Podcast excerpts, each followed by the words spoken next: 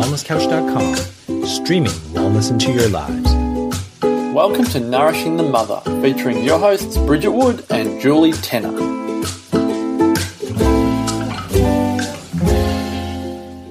Hello and welcome to Nourishing the Mother. I'm Bridget Wood. And I'm Julie Tenner. And today's podcast is The System, Your Beliefs, Your Unique Children How to Choose the Right Educational Pathway. So, this comes from a listener's email, which we will read to you shortly after. I remind you to jump onto nourishingthemother.com.au and sign up on the homepage to join our tribe, where once a week we'll, I'm lying, once a fortnight, we'll send you off an email. We took it down to once a fortnight because we couldn't show up every Yeah. week. We'll send you a newsletter with everything we put out in the world, and you can pick and choose where you'd love to click and dive a little deeper. And sometimes we'll send you something more intimate, a musing or a pondering that's, you know, come out of something that's happened in our lives. It's a bit more intimate than social media. Mm. So if you're really looking to nourish your mother during the week, then this is the place to be nourishingthemother.com.au. All right, Bridge, I'm going to read this gorgeous email. As you know, we absolutely adore the interactions we get mm. via our beautiful listeners. And sometimes that's emails and sometimes that's messages. And Yeah. we do truly read them all. And this one was a podcast suggestion. So here we go. Thank you, Julie and Bridget. I am forever inspired by you both. I was wondering if you'd do a podcast on how you've come to choose which schools to send your children to. I know, Bridget, that you had some issues last year and have had to change. And Jules, you've spoken about wanting a certain type of education for your kids, but that your firstborn had other ideas. I'm really interested to hear firstly your own personal conscious beliefs and values and resulting choices around how your kids will be educated, i.e., in what system. I guess I'm wondering what impact an early decision sorry, on early decisions had on the following your preference for style of education and living, thoughts on religion, family, time, energy, work dynamics, local socioeconomic factors, who your kids will be interacting and making friends with based on where they go to school. Secondly, how you recognize that your children will suit what you've chosen or not. And finally, how to make both of the above work for everyone, if that's even a thing. A little preface is why I'm suggesting this. My eldest is nearly three, and in three years will be starting school. We are trying to figure out how we'll school him, and our youngest is another boy. I'd prefer as much play based experiential learning as possible, so Steiner or home, homeschooling style. However, also on the table are the usuals public school in a city that has a low socioeconomic families living right next to the middle high school. Um, and so public school has children from all works of life, which I'm unsure about. Catholic school, we'd have to baptize the kids based on my religion, which we don't practice at all. And finally, private schooling, which we feel isn't justifiable financially based on our own education through the public system. I'm having trouble separating my beliefs from what's practical time, energy, work wise, financially, and our long term families. Uh, for our long term family, what's socially a good idea for the kids with the kinds of people they'll hang out with at certain schools, and then what's right for my kids as individuals in terms of personality and learning style. There is so oh much Oh God, here. so And much. I read it like just, I wanted to start recording straight away. I was like, oh my God, I have so much to say on all of this because it's such big stuff. And it's, you know, stuff that you and I have both spent a lot of time thinking about, I think, over the years. It's true. So, Where do you want to start? Mm. I did like a hacked out version of some of some basic points. So I wonder if we could start with perhaps impact. So what impact some of these things had that ended up in a choice. So your preference for education and living style. What was yours? gosh, um, I guess I take it. I'm, try, I'm trying to think about how I've arrived, where I've arrived, or what were some of the, um, you know, when my son was born, like what I wanted for him and why I, you know, I think I was investigating schools even when he was six months old, or at least investigating learning styles, I suppose. And Because I, I think I really trusted from the beginning that um, our children come here with unique gifts and with innate talents. and that I didn't want him to be molded in a way that disconnected him from those. And so I was always looking for what does it look like to help a child stay connected to who they inherently are and who they are, who the essence of them is. And and rather than being almost kind of treated like a, a um, I don't know, a cog in a wheel, you know, and, and just kind of a, a kid in a one size fits all system, and this is just what we do, and you have to fit. Mm. And that also came alongside with it um, some intense learning that I did, and also through Suburban Sandcastles, doing a number of different films relating to education and understanding how we got the system we, we got. Where did the system come from? Why? What, what light can you shed on that? Well, the industrial model of schooling or the schooling system that we have in mainstream school now came from the industrial era, which was really um, to how to create good producers.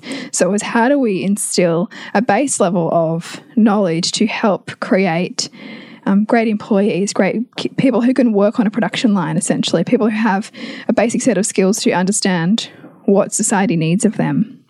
So it was never a system that was designed to recognize and support and grow genius. It, it was really set up as like a, a lowest common denominator system to give everyone a basic set of rudimentary skills to navigate the world in. So I knew that that really wasn't inspiring to me. And so then it was okay, well, how much have we grown from that initial system? And, and what I found was, well, not much because we're still organized on a subject basis, which sort of says, you know, we've decided at a government level that this is what all kids should learn, and we're going to break up the day like this. And it doesn't matter where your mind is going, and even if you're on an inspired path and you're in the flow, when the bell rings, we end that subject and we go and do another mm. subject it's quite I saw it as quite disjointed and and not able to flow with how we learn, you know, because we're all inspired to learn what's meaningful. Everybody, there's no such thing as people who don't want to learn. They just don't want to learn what someone's telling them that they have to learn. So that was the view that I came mm. to it with.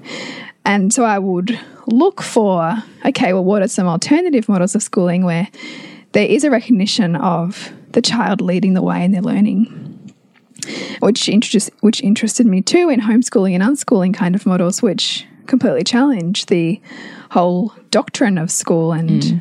and you know a curriculum that someone else says to that's just that says that five year olds learn this and six year olds learn that and seven year olds learn that. You know. Mm. But again, uh, when looking at those things, we also need to consider our own capacity to deliver on what we might want for our child. And I quickly learned that I don't think that I can give them what I feel that they would need from me if I was to homeschool or unschool them. Because if I was to take on a responsibility like that, I would want to dedicate myself 110% to observing them all of the, a lot of the time to see what is the next level to scaffold their learning with? You know, what's the next thing to help them expand? And I, you know, rightly or wrongly, have my own desires that I want to expand within myself, and and I didn't see how those can all fit alongside each other. So for me, it was then okay. Well, if I'm not going to do that, what can a organized education system offer? Mm which led me to look into things like inquiry based learning or play based learning, um, Montessori, Steiner. Um, th those are kind of the big ones because there are inquiry based models of learning that are in place in some government and non government schools, which are more play based, which are more subject oriented. So, for example, you might be learning about the solar system, but you can express your learning and understanding of the solar system based on how you love to learn. So you might write an essay about it, you might do a talk on it, you might create a model. So you would choose how you express your learning rather than you being told, okay, well, everybody writes an essay or everybody takes a test. It was more fluid and able to work to that own individual child's genius, essentially. So I love that model, but then learned that that wasn't really offered in my area unless you go to a private school which I'd had my son down for, but having three children paying full, like I'm talking full private school fees, was not feasible. So, you know, again, we we cannot make educational choices in in isolation from, you know, our broader family values and um, what our goals are. So I think that that's what my journey has been. It's been a dance between what I really believe and yearn for from an educational point of view, and then what fits practically within our family and each individual's goals within the family. So that's I feel like I'm talking a lot. I'm I'm so interested in what you're saying. Oh. Sorry, please don't feel like you're you're monopolizing. I'm no. enjoying it. Well, and I guess for me, there's so much in this conversation because, yeah, like I've done so many things with Hugo and he's, you know, only nearly six. We've tried so many different things. And I mean, a Montessori was something that we've really jumped at kind of quite quickly. He, we dabbled in it when he was young, and we done a lot of those principles at home, even from birth. But to really get him into that educational model, it was quite sudden because we had the opportunity to for him with a prep year.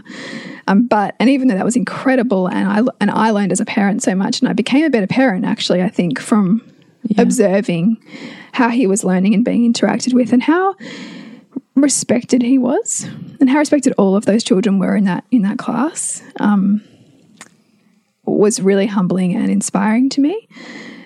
And now we find ourselves with him doing mainstream prep again, or doing prep again in a mainstream school because the school that that Montessori program was in couldn't see the vision and the value of Montessori and no longer continued it. It's an incredibly long story.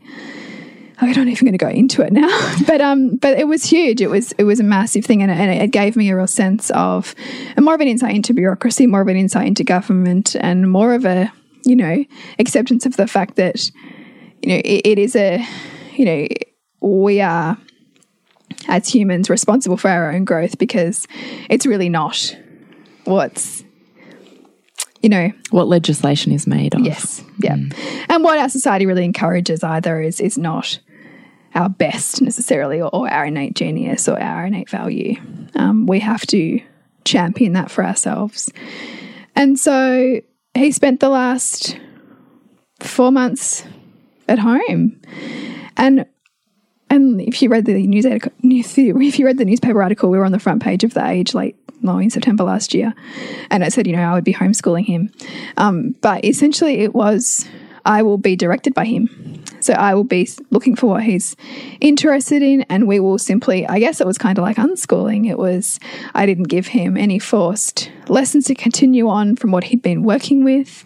I just simply trusted that what he was learning and needing right now was exactly where he needed to be. Mm. And he spent an enormous amount of time building Lego, which is his genius. Um, and I have no doubt that in the future we will look back and see how perfect that was for him. Mm. How we couldn't understand what that was leading to, but oh my God, as if it couldn't have led to this, you know? And so I think that in, in all kinds of ways that I look at education, I, I think it comes back to um, trusting what our children are inspired by and finding ways to support that and finding ways to get their educational model or system or whatever it is that we're choosing for them to see that in them too and find ways to awaken that. Mm. Because I remember, I think you were talking about a time when, you know, Heath wasn't really that interested in reading, and you're like posing to the teacher, well, what about if you actually like we looked at a book that he, on a subject that he was really interested in you know maybe then he might like to read it and and these can seem like such novel concepts you know when when parents haven't been critical about school and just accept that what school says goes. But in fact, you know, I'm not going to expect my kids to read or do something that's incredibly uninspiring to them without some kind of fight, no, you know, without some kind of resistance from them. Mm. And it's about how we work with that resistance within them and within ourselves when we are having to fit a one size fits all approach to education.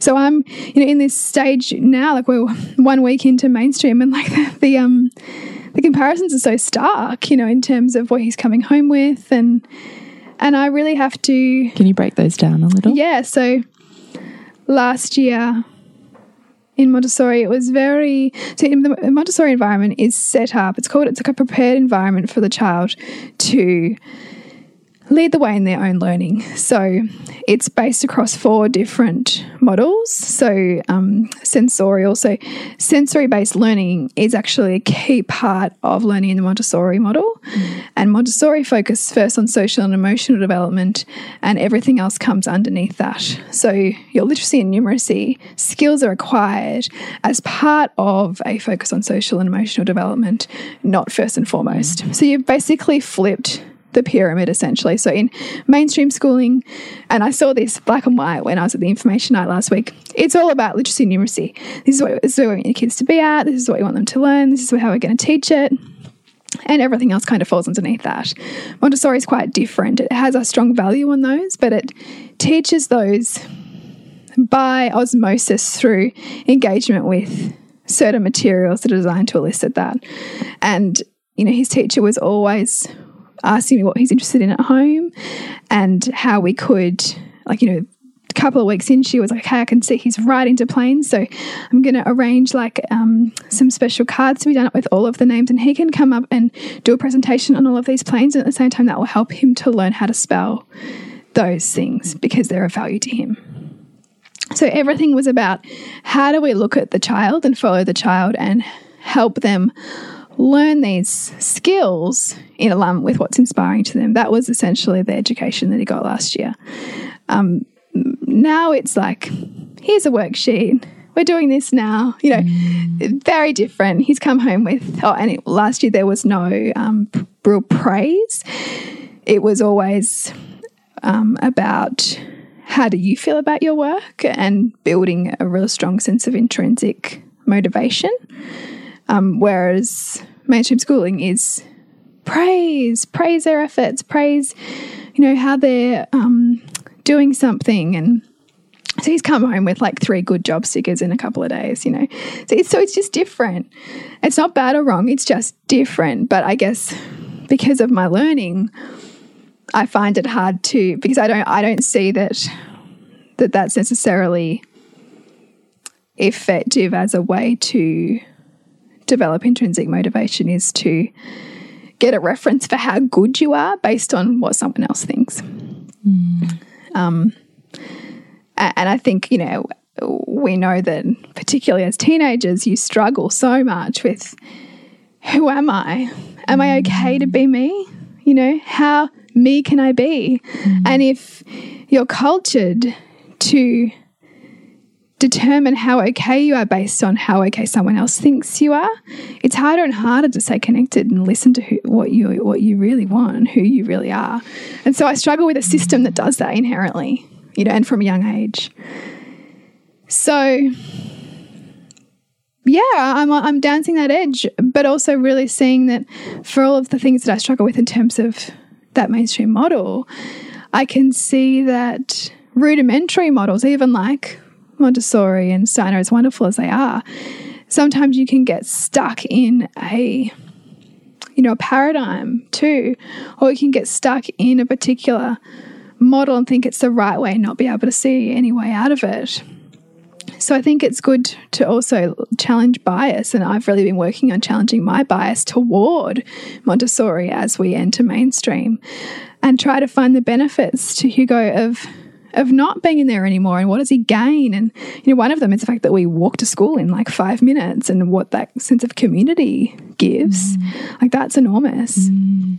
so there are so many facets to the school decision and it's it's more than just educational philosophy. It is looking at your child. I think hugo would actually be fine anywhere. Like he's pretty social. Um, he know he's you know quite bright. So he'd be okay anywhere. You know, if I had a child who, you know, was was on the spectrum or was really struggling or had difficulty socially, I would perhaps be more much more sensitive to that school choice than I, than I perhaps have come to find myself. Um, but I, I, do have confidence that it'll be okay for him and that as a family and the values we instill as a family and how we look at him as an individual, there's so much that we can extend upon that school won't give him mm. and to and to take that ownership as a family and not and also for all the things that school doesn't support or challenge it or doesn't awaken or in fact what we're in opposition to, how does that help him to learn how to critically assess things and critically think about the information that he's been told? Because we know as children, you know, you subordinate first to your parents and then you subordinate to your teachers. Like it's just how we develop as humans. We we we run these subordinations, and you know, it took me a long time to realize my parents weren't God, right? And so I'm going to be having conversations with my son at a younger age about you know challenging teachers and finding respectful ways to disagree and finding ways to communicate difficult things in a way that can still help that person feel heard and not necessarily judged.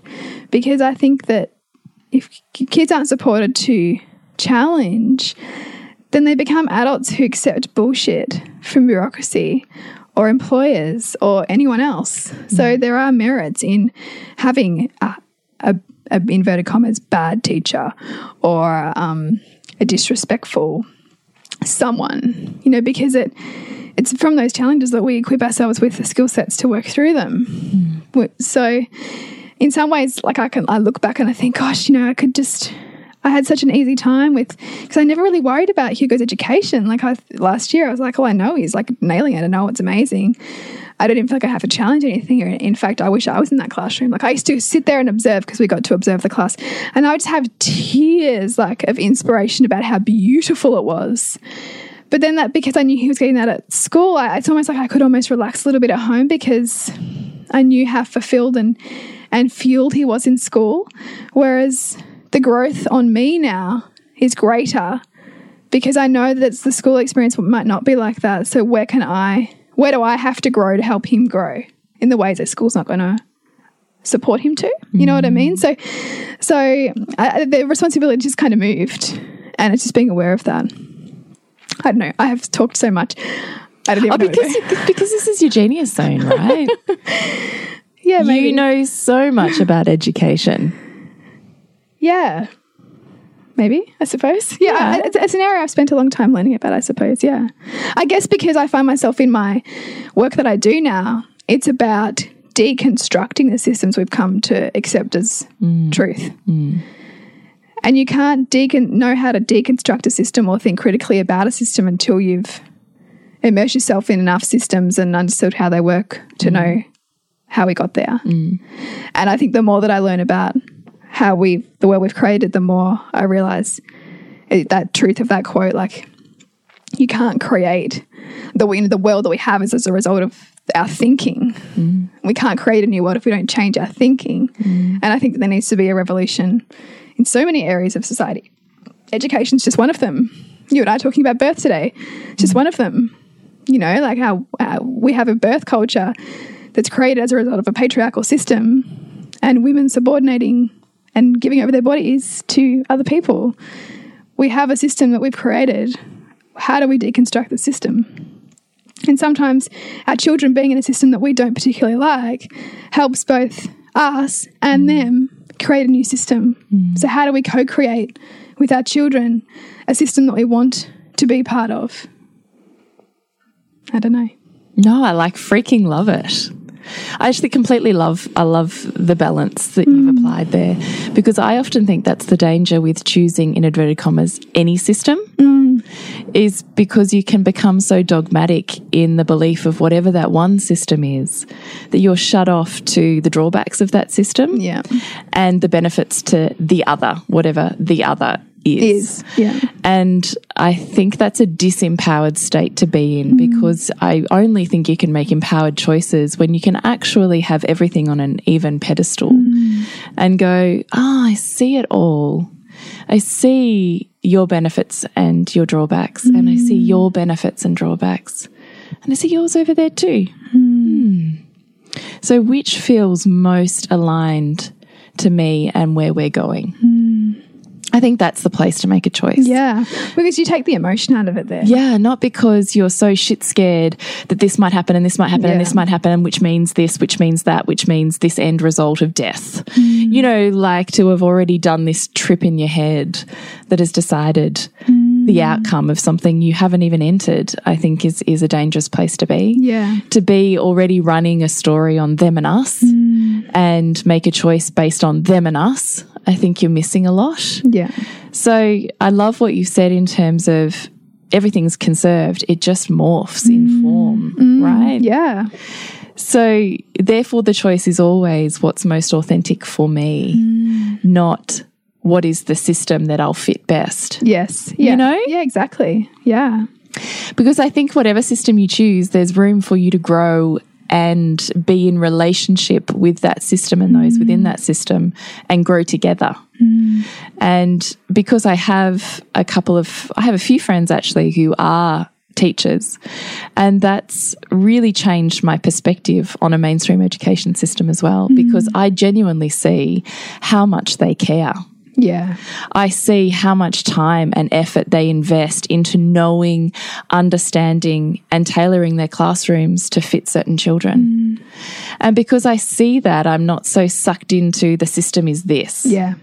Because you have nuances within any system, right? Right. You have, and you know, we can all we can all go back, I'm sure, to the teachers who like we just Who lit us up. Yes. Yeah. And then the ones who we couldn't get out get wait to get out of their class. Totally. And we all have probably an equal balance of that. Yes. You know, and, and I think even in the most ideal, idyllic system and environment, you know, you're still going to have the teachers are still human, right? Yeah. You're still going to have like ones that, you know, might do everything on paper right or whatever. Yeah, you say right is, and actually not be in alignment with that. Yeah. And we're human. We all have shit going on. You're going to have good years. You're going to have bad years. You know, there's years I've certainly seen it happen with a spectrum of teachers where, you know, it's all good until they have five miscarriages and that year in their classroom is a write off. Mm. Yeah. Or they've just divorced their husband. That year's a mm. write off for those kids. Mm. So we're also human, and everyone in a system is human, having their own human experiences.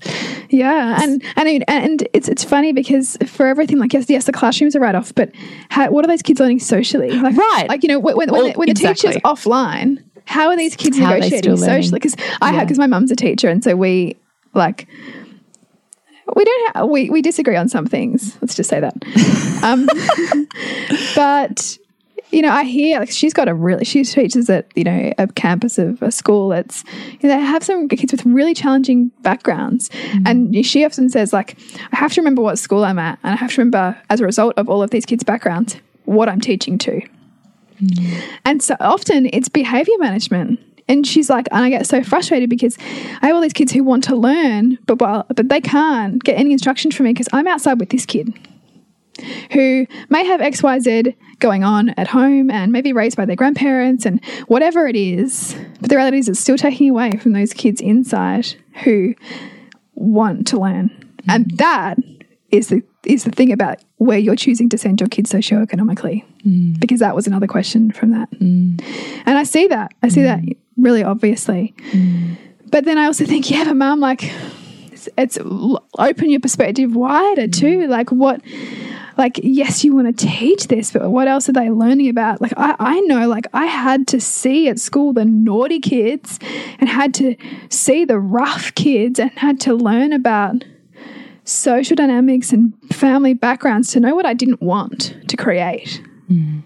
And so how is even those kids how is that learning for them? Mm. Yeah it's not the instruction you wanted to give but how is that powerful learning? Mm. So i think sometimes we also need to bring our perspective back and open it wider to be able to look at more than just delivery of a curriculum or delivery of a topic or you know to, to, to look at what else is there Yeah, I totally think that as well. What el- will you pick a question? Where do you want to go? I guess a big one, I think, particularly oh, we're on this conscious motherhood journey, is we bring consciousness to so many of our choices, right? Mm. And very often, our idyllic choices when our kids are babies and toddlers, and the, they're just these perfect little beings, and we just want this magical world for them. That what we want to instill and who they are can sometimes clash. Mm. Or we might not be able to necessarily see them yet through the filter that we've put on the experience we want them to have. So that was a big learning curve for you, I know, in that you had a you had like this vision of the Steiner education. And it was Heath that really broke that fantasy for you. Mm-hmm. Can you share a bit about what that looked like as a personal journey and perhaps even like a letting go of ego to grow who you grow into who you had to become to be mainstream, to go mainstream in inverted commas? Yeah, okay. Um, yes. So I spent five years studying naturopathy and immersing myself in all things anti system. And if it had a fuck you system on it, I was all part of it. So it's almost like those of us in who did arts degrees and like the Marxist groups at uni. Yeah, yeah, exactly like that. Same as that, right? yeah, same as that. and found myself birthing consciously, um, awakening more of myself consciously, choosing respectful, conscious ways of parenting. And the natural flow on from that is who do I want my child to be? Hmm. And when I thought about who I wanted my child to be, I wanted them to be probably foremost in my mind was emotionally connected to who they are. Hmm. And I saw the mainstream system, I saw sport and competition as grouped into that, as being a way to eliminate children's capacity to grow and develop emotionally that they would be stunted. They would be, you know, the soft sweetness would be, you know, cast out of them or, you know, demonized out of them. And they would be these mere pale reflections of who they really were. Mm. That's what I thought the system they'd was. be standardized and Yeah. Yeah. Yeah. And shunned and not allowed to cry and rant and mm. be part of, you know, that whole aware parenting journey that I was on then. And I, you know, I'm a very creative person and I deeply honor and value arts and whatever mm. form art comes in within your world. And so my natural flow on from that was I was in a playgroup with a lot of Steiner mums. Mm. So we went to, you know, Steiner playgroup, and the flow on from that is that you go to Steiner kindergarten. And it's beautiful. There's no plastic. There's, you know, everything is beautiful and natural and handmade and like you step back in time 150 years ago. Mm.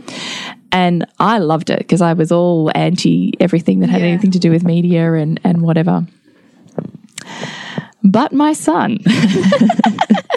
and I feel like there almost needs no more than, than that yeah, sentence. yeah, yeah. Um, certainly being a child would roll with it. But he never really wanted to go to kinder. He couldn't wait to go home. He always used to choose very specific ways of playing with the same toys. But whenever we entered the space, it was always because it's set up very Steiner very much like a home environment. So everything is clean and tidied and packed away in its one spot. And it doesn't really change. The children mm. are allowed to investigate and change as they want their play to take them in their learning.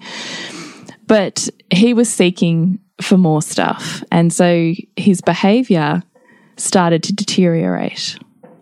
So he would choose the fighting, punching, you know, raging games over because there's kind of nothing else, Yeah. you know?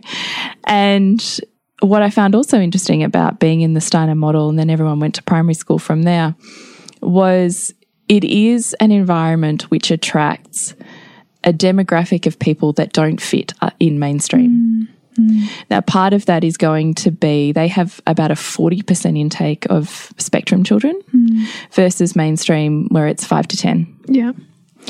And that also changes and impacts The environment. the environment. Yeah.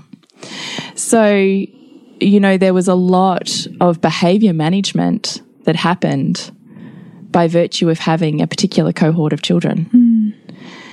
And so when, um, just to flash forward, when we went to mainstream, there was actually contrastly very different, despite the fact that it's a completely different socioeconomic group and, mm. in fact, lower, mm. but a completely different experience in cohort. Mm. so it's so interesting. It's interesting, isn't it? Um, and at the same time, I had friends, you know, with kids the same age who were making different choices. Now, some of those friends went and moved to the co op schools, so parent run school that we have here in Victoria. And they hire a teacher as a group of parents and they have an educational system and they educate their children in almost like a rotational roster of parents together, you know, overseen by an educator. So I've kind of witnessed, I had some friends that went to Montessori, some friends who continued with Steiner. Anyway, long story short, I could see my son was actually really struggling where he was. Not not overtly because he is the type of cat that's going to fit in anywhere. Yeah. But I could tell there was just inklings. I knew it in my stomach. There were inklings of "Mm, I feel like this isn't the lit up amazing space I thought it was going to be, Yeah, you know. and I could also see that I was conforming. So I was even more polarized on anything anything, you know, could never wear black. I freaking love wearing black. Couldn't wear black. You're not allowed to wear black in Steiner. It's all rainbows. Oh, Yeah. really? Yeah. so I was hmm. completely, I could see that I was changing. The other really interesting thing is even though we were in a cohort of, of Steiner parents, a lot of those parents, given there's a large amount of behavioral issues, used screens a lot. So play dates were based around bring your iPad. Isn't that interesting? Because it seems to be completely at odds with Steiner philosophy. But isn't that interesting? Because as you were saying, Bridget, everything's in in Conservation, conservation. right? So whatever they're repressing or whatever they're not making space for, it has to come out somewhere. Yeah. Anyway, there was just a few inklings where I was like, uh, it's feeling like it's not the dream scenario that I thought it was going to be. And I remember this working up to it this one day, getting down and saying to my son, you know, um, because we actually sent him for about six months pre because he's an April baby. Hmm. So um, in Australia, you have your school year. If you turn a certain age before the end of April, then you're in mm. that year, or you know you choose. Same as Hugo. So he, could have been either really young, in Right, prep, exactly. or he could have been be quite quite a bit older. Right. So we chose to hold Heath back. So mm-hmm. he did six months of a mainstream kinder before he, just because we could get him in there. Yeah. Um, before he moved to Steiner kinder. And then I mm-hmm. thought we were on the Steiner path from there. Anyway, so he had a, a little bit of a taste of, of mainstream. So I got down one day and said to him, you know, I was, I can see that, you know, that, that you're struggling here and here and here. And I just wanted to, as we're deciding this next year, what you want to do, do you feel like you want to stay at Steiner where we are with your friends and we just keep going? Or do you feel like you want to go back to that other kinder? He was like, I want to go back. Didn't didn't miss a beat. No, didn't miss a beat. And I was like, oh, oh. And in my head, I'm going, damn it, I shouldn't have given him the option, you know. And I really wrestled with myself internally because I also knew, I knew, like on some really deep level, I knew that was his truth. But I didn't want to make the move. I was really happy in Mm. Yeah, this community. right. I was really fulfilled by this group of women. Yep. I was, you know, just, I, I was no longer a social outcast as I had experienced for the rest of my life. This was, I could be as wild, woo woo hippie as I wanted, and it was loved in And this you probably could have still been out hippied. Hundred You could have been percent. out, out hippied, I totally out hippied. Yeah. Which for me was just like this crazy, you know, experience. Anyway, so all of this kind of culminated. And in the end, I really asked myself if I am really honest with wanting to build my child's sense of autonomy, then this is one of those moments where I have to listen to him and not me. Mm. And it's just kinder. Who cares? So I said, okay. So we said goodbye to Steiner and we moved into mainstream kindergarten. And I remember talking to the teacher about, you know, separation anxiety because it had always been hard with Heath hmm. and, you know, how we would manage that and that I would stay for a while. And they were amazing. They were like, stay as long as you like. Like, hmm. come, go, say you got to pop out for milk, like, whatever. Hmm. We'll, you know, if it's really a problem, we're going to call you. So I had this beautiful s- scenario where for the whole of first term, I just kind of hung out at kinder. Hmm. And, you know, you really get to witness a lot when you're just almost There. invisible in a space. Hmm. And what I witnessed completely transformed the way that I saw mainstream school because I had hmm. all these judgments and perceptions based on a system I'd never actually been in. Yeah. They were just part of the other stream that I was conforming to. Yeah, and like I really hope that that's and that's that's where I find myself like how can I open to this and how can I take question my own polarizations, right? Yeah, because you become the result of the five people you spend the Yeah. time with, right? And it mm. wasn't my experience, but I was living off the filters of their experiences. Mm. Anyway, so what I saw in this space was some really beautiful teachers who cared deeply about play based learning. So we chose a mm. play based kinder. And offered so the the space itself and the activities offered within it as focal points changed every single session. Hmm. So, three times a week, he walked into a completely, like the environment structures, of course, were the same, but the activities offered for engagement followed a theme, but were completely different. Mm. And he was so engaged and so lit up. Mm. And I can still remember this one moment where I walked in and she went, Oh, we've really noticed how, how much Heath loves mammals and dinosaurs and underwater creatures. So we've created a play space today for him that, you know, and she created this whole space that was just to take him to the next step. So Oh, special. and I could nearly cry ah. talking about it now. In fact, when we had our AGM at Kinder the other year, when I handed over, I bawled my eyes out because I was like, they're just so amazing and I can't do. Anyway, so I really got to shift all of the perceptions and mm. judgments I had on these mainstream teachers mm. that I felt in my heart of hearts were honoring my child more deeply mm. than the heartfelt, soul centered Steiner teachers. It just looked different, right? Yeah. And he flourished like hit the ground running, expanded. And I thought, wow, That's so amazing. I can't deny that. Yeah. Like this is this is huge, right? And so when it came to choosing schools, we did all of the tours. All of us together. So my husband, myself, and my son, we went to all of them. And I went to their open days and I made separate interview times to go when the schools were not running so that you could really, uh, you know, didn't have open days. Yeah. So you could really see the classrooms in action. And, you know, we probably went to six different schools locally. And so when we decided we weren't going Steiner because this was not Heath's journey, then it became okay, then it needs to be local because local for me was a huge benefit in that Steiner was about a half an hour drive for us, mm. which then meant all of their peer group is potentially an hour away. Yeah. So every play date, every before and after school drive, every birthday party, every sleepover, I would be committing to driving an hour mm. there and back. That was my experience last year. That's that's a life in itself. Yeah. Right. Forget about fitting anything else in. Mm. You can't mm. unless you're going to move there. So the benefit with local was we didn't have to go far. We would run into people mm. everywhere at the shops, at the park, at the beach. You know, it becomes very intimate in the kids that you do sport with. They start to mm. know everyone in the local area and then they see them. They see them there, they see them there, they see them there, you know. Mm. And now my son in high school knows a huge cohort of children by virtue of simply being involved in extracurriculars within the community. Yeah. Knows a whole heap of kids. Mm. So local became a really big focus for us to keep it local. And I wanted my children to have the experience of riding to and from school and riding around to a mate's house. Mm. And yeah, sure, go to the party. Yeah, no worries, I'll pick you up. You know, mm. without it being a huge lifestyle Yeah. commitment. So we looked and we narrowed it down to one public school I really loved. And we had the local Catholic school. Now I'm not Catholic. I'm was well, I was baptized Church of England, but you know, really have more of a more of a hippie spiritual version of life. My husband is baptized Catholic, but certainly wasn't practicing. Mm. And we didn't like the Catholic school as much as we liked what the public school seemed to offer.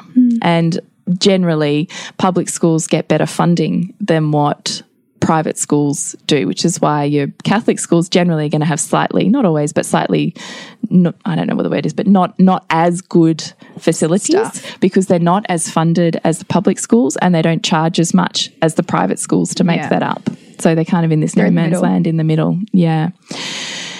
Um, but then we decided before we chose a primary school, we better think about what the next step is because it influences it.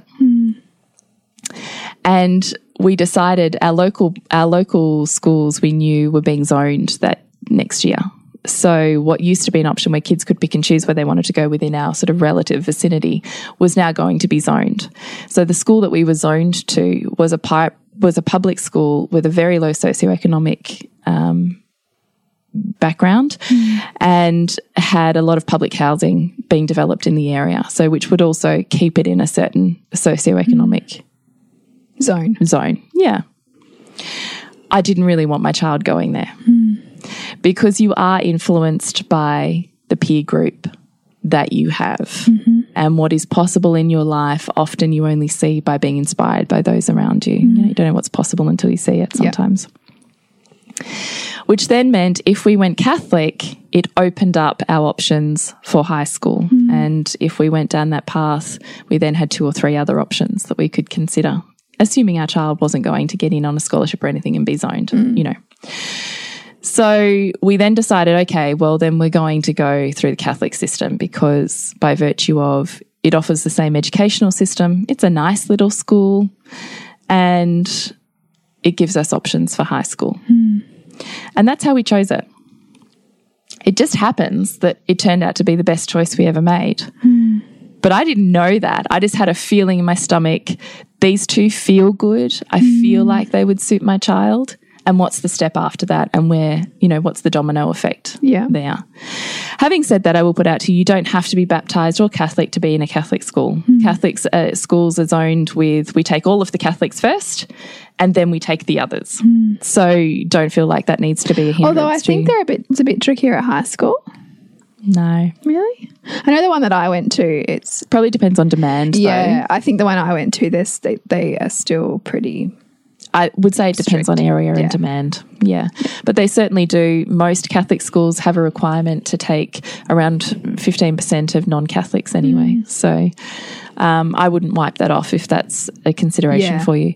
The other factor is that they've taken a lot of the biblical teachings and certainly um, sacraments out of school. They're now done through the parish. Mm. So often the requirement is if you're going to go down the path of doing your sacraments and whatever, that you need to come to church to get a Catholic education. Hmm. You don't get it through school anymore.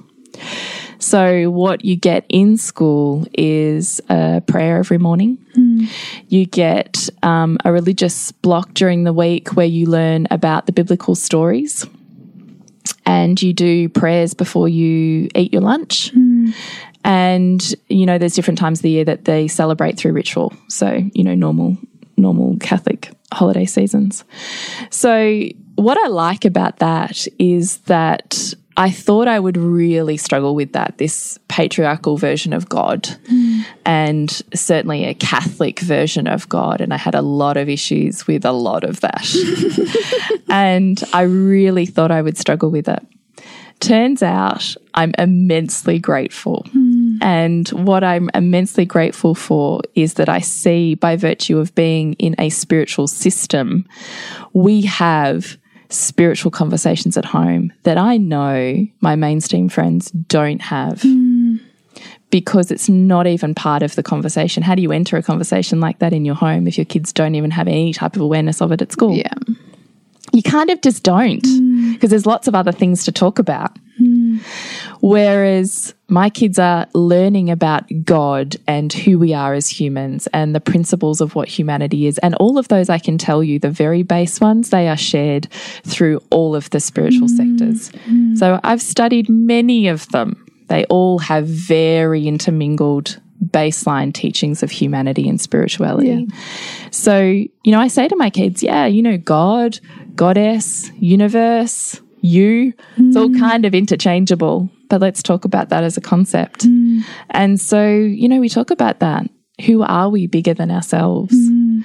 And we talk about the stories in the Bible and we talk about the stories, you know, that have been handed down through various folklore. They're all stories with a message.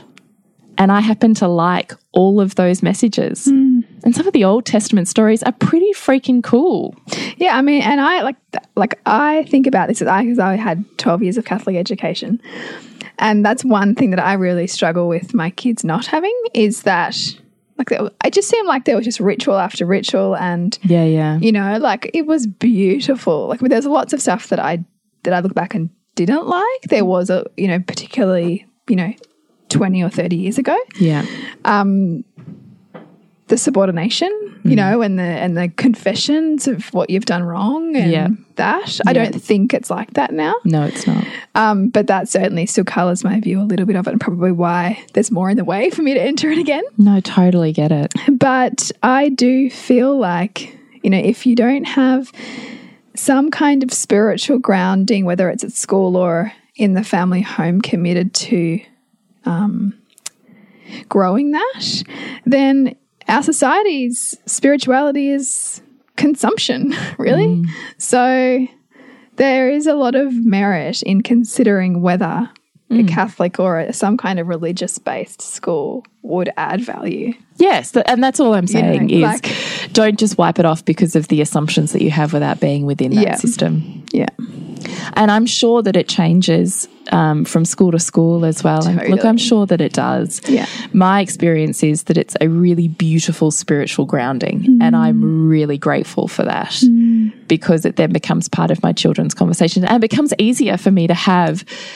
You know, out of the blue spiritual conversations with them about, you know, social stuff they're going through. I can take it bigger than them. Yeah. Because they already have an understanding that there's something bigger at play than them and that there's kind of this mm. guiding master plan that they're part of. Mm. And that's easier to have when you have a base foundation. Mm. So I like, I really actually really like it. And I actually really like, I mean, so much of the, the Catholic rituals are based off of the stolen pagan ones, right? yeah. Like it's just overlaid. Yeah. And when you strip it back, it's actually really beautiful. I've mm. sat in monasteries and had candles lit and songs sung, and I have felt something in my body. Mm. And I feel that in church too. Mm. Mm. So sometimes we have to take away the shit to see The shine. the shine. yeah. yeah. So, look, I think that's that. I think my daughter would do better in Steiner school than what she mm. would do in mainstream in the Catholic school that we're in. Mm. I don't think she's quite so round peg, round hole as my son is. I do think she would like to experience her world in more of a sensory manner. Hmm. And I do think she would do better if she was allowed the opportunity to explore herself through art. Hmm. But I thought I could be that person that could tailor my children's educational experiences to meet their individual needs. Turns out I can't. I just know I do not have the time, the energy, the capacity, or the inclination to drive you here and you there and you there, mm. and then pick you all back up again, and then deal with three different sets of friends and three different sets of interviews and three different sets of way the school's running. Mm. I would spend my entire life schooling my children, mm. but I'm not homeschooling. But I would if that was the commitment I made. And I knew in my heart of hearts, for me, outside of my children, I couldn't make that commitment. Mm. And same as you, you know, when my kids were in playgroup, we dabbled in unschooling groups and homeschooling groups, and I kind of tested the water. But I knew I was having enough trouble handling my own triggers and my own shit in my parenting. yeah. If I tried to add on the pressure and the the, layer of, of education, I would be a fucking train wreck, and I'm pretty sure I would fuck my kids up in the process. So I knew their better, best educational experience wasn't going to be intimately with me. Yeah. And like you, I also knew I wanted my children to have the best experience that they could have, but I want that for me too. Mm. Mm. And to some extent, that comes at a bit of a cost in a mm. way. I mean, it mm. doesn't too, right? Because I'm getting lit up and inspired. And how does that educate and show my children the very thing that I couldn't if I was totally invested Yeah. in them? Yeah. Like, I want to say there is totally an even keel there, but I have to give up on some of the ideals that I have around mm. you'd be better here and you'd be better there. And, Yeah. you know, mm-hmm. there's still part of my heart that feels tender about that. But having said that, also, she's totally thrived. She's school captain this year. Hmm. She has gained an She's made it. enormous She's made a great go of it. Right. Yeah. She's made made an enormous body of wisdom on how to be socially, emotionally aware and connected. Hmm. And that's what's got her to school captain. Hmm. And she has learned that through a mainstream system. And not because she's had the best teachers at that, mm. but because she has me at home. Mm. And any teacher will tell you it's not what happens in school, it's what happens at Yeah. home that has the greatest influence. My mum says, you know, after 30 years of teaching, she's she's adamant that that's everything. And, and she, I think she sometimes she would question why I cared so much about the school and why I was so focused on the education because she's like, you know that most of it's you. Like, Well, because this is, I actually had like this mini kind of argument with one of my friends who's a teacher the other day, and she's, and I'm like, you know, where are you sending your kids? Blah, blah, blah, blah, you know, and she's like, it's the local public school. Mm. And I was like, but you're a teacher. You know the system. You know what's out there. And she's like, uh huh. And that's why I don't care. It's all the same. Mm. and I had to have this moment where I was like, wow. Because mm. there's part of that that's total truth, right? yeah. I'm making it mean all of this stuff, mm. but ultimately, what I do at home allows my children the space to flourish wherever they are. And I think that too. And I think, you know, and particularly some of the big feelings and big behavior stuff I've been working with with Hugo the last few weeks. I've been thinking my home, the home life that I'm creating for him means that he has the safety to bring all of that here. So it doesn't actually need to really come out at school. So all of those little things that he doesn't feel safe expressing, all those little areas that he might cap himself off or I've created enough emotional safety that that can be heard here in this home and him come back into balance into who he is without there needing to be mass disconnection, you know? Mm. And I think that is 80% of it, you know, like because they kind of know what they need. And if we can be that that place for them to crash against, even when school's hard, it's about trusting that they're also perceiving what they need to perceive from the teacher and getting something out of this dynamic. And mm. you know, it's it's about us also seeing that even the challenges that they're going to face at school are, are on some level meaningful. Mm. You know, it's funny with the whole teacher thing because I like and I know a bunch of teachers and you know I'm in these different homeschooling groups on Facebook I see stuff pop up and like there's also a massive cohort of teachers who become parents who never want to put their kids in the system because of what they've seen in the system. Mm. But then also I think, yeah, but how much of that is like your stuff that you've it's come up for you as a teacher that's unhealed and therefore you can't go back there again with your kids. Like, you know, mm. how, how much are we looking, how much self awareness do we bring to that? And actually, that's what I wanted to say as well about socioeconomics and that that jab of high school. So that high school that I said to you, I chose. No, we're not going there. It has a really poor socioeconomic group. I have since met through. So I did a life saving for a while, and I was on duty with some teenagers who went there. And I've met a few along the way um, that are siblings of, you know, some of my friends' kids. And I have to say, I've, I have been forced in a way to change my perceptions of a um, low socioeconomic school because being that they have a tougher, rougher background, the facilities on mental health and support in those schools far surpasses any private school. Really? In fact, I was talking to a grandma yesterday at one of the prep things who her um, eldest grandson is 16 and he's just transferred from a really prestigious private school to the local public school and is flourishing mentally and emotionally. He was at the point of suicide in the private school. Right? Yeah. And these kids that I was on life saving duty with, sure, they're not academics, but these kids have a path with a group of teachers that believe in them hmm. that just looks like a trade or some other part of them that's not the academic that's going to uni, but they see this child hmm. and they think he's pretty cool Yeah. and they're willing to work with him on that. So, and you know, this kid I was chatting to last night, he's the older sibling, he goes there, beautiful, connected, well rounded dude. Hmm. So, I also want to say, I'm pretty sure if my kids went there, they'd work it out. Hmm. It's so interesting, isn't it? Because we really have to examine our stories. Because I've got a massive one on that. Like, you know, like Yeah, I do. Massive. I do. And actually, one of my really good friends um, has gone back to teaching full time this year in high school, which is also from a really poor socioeconomic background. And the facilities that they have to, in inverted commas, throw at these kids to support them to get out of that. So, mental, emotional well being support to pull these kids through. I don't know another school that has that. wow.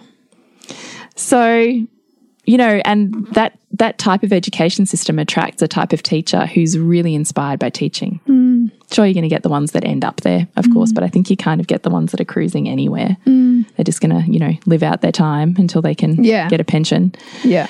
But it also attracts the teacher who's who wants who is inspired, who probably has had a rough journey themselves and they know hmm. the soul that's at the heart of the bad kid. Hmm. And they're working with the kids that have got difficulties because they get where they come from. You know, so I just think I just think it's all in conservation, right? Hmm. What they're not getting at home, they're getting at school. And don't judge the low socioeconomic group for that because there's also some really beautiful kids in there.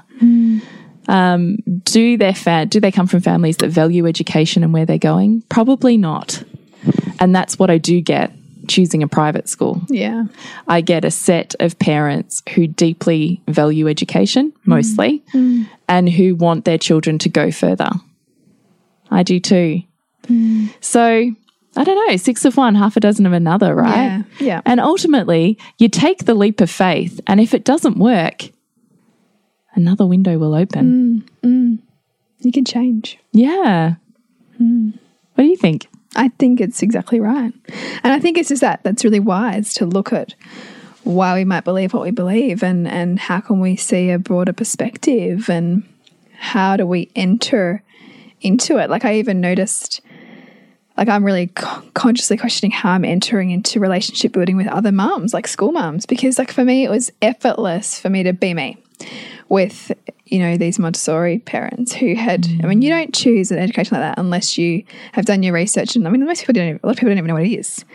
So to have actively made a choice and travel long distances to put your child in a particular stream like that, it gets a certain kind of person. And so I could know that I could talk about all the stuff I value and that largely people would understand what I'm talking about.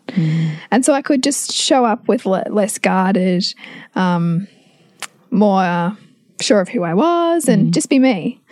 Whereas I'm noticing like my resistance, to, you know, entering into this, you know, new creation of relationships and going, oh, how me can I be, right? And and and it's interesting, uh, like how I'm parenting myself to show up more and be more of me because that's what I want my kids to be able to do. Like to not have to be a chameleon wherever they go, like depending on the social setting. How can I lean into this new world? It's a new world for me as well as my child and be okay and be willing to be uncomfortable but still say yes to things and and be involved and be open to all of the other versions of genius and love that these parents have for their children, uh, even if it looks different to what I see mm. as valuable, you know? Mm. And so it's a huge learning curve and mind expanding experience for me that might not have been what, like, I might have said it was my ideal, but I think there's a lot of merit in it. Mm. Hmm. Well, we're going to wrap it up there because I feel like this is a really long Yeah, me too. I don't even know if we got to everything, but yeah, maybe we'll come back to it. I don't know.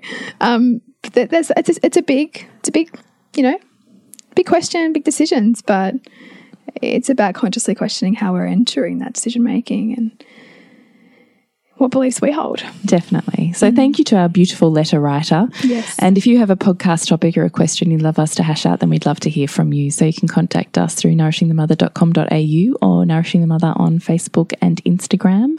Thank you very much for tuning in and listening. We are immensely grateful that we can just be us mm. And that you want to hear that. It's a really cool place to be. It sure is. Yeah. So, to connect with you, Bridge, SuburbanSandcastles.com and you, Jules. is thepleasurenutritionist.com. And remember to nourish the woman to rock the family. And we'll see you next week when we continue to peel back the layers on your mothering journey. This has been a production of TheWellnessCouch.com. Check us out on Facebook and join in the conversation on Facebook.com forward slash The Wellness Couch. Subscribe to each show on iTunes and check us out on Twitter. The Wellness Couch, streaming wellness into your lives. Whilst the Wellness Couch presenter endeavor to provide accurate and helpful information to their listeners, these podcasts cannot take into account individual circumstances and are not intended to be a substitute for health and medical advice from a qualified health professional. You should always seek the advice of a qualified health professional before acting on any of the information provided by any of the Wellness Couch podcasts.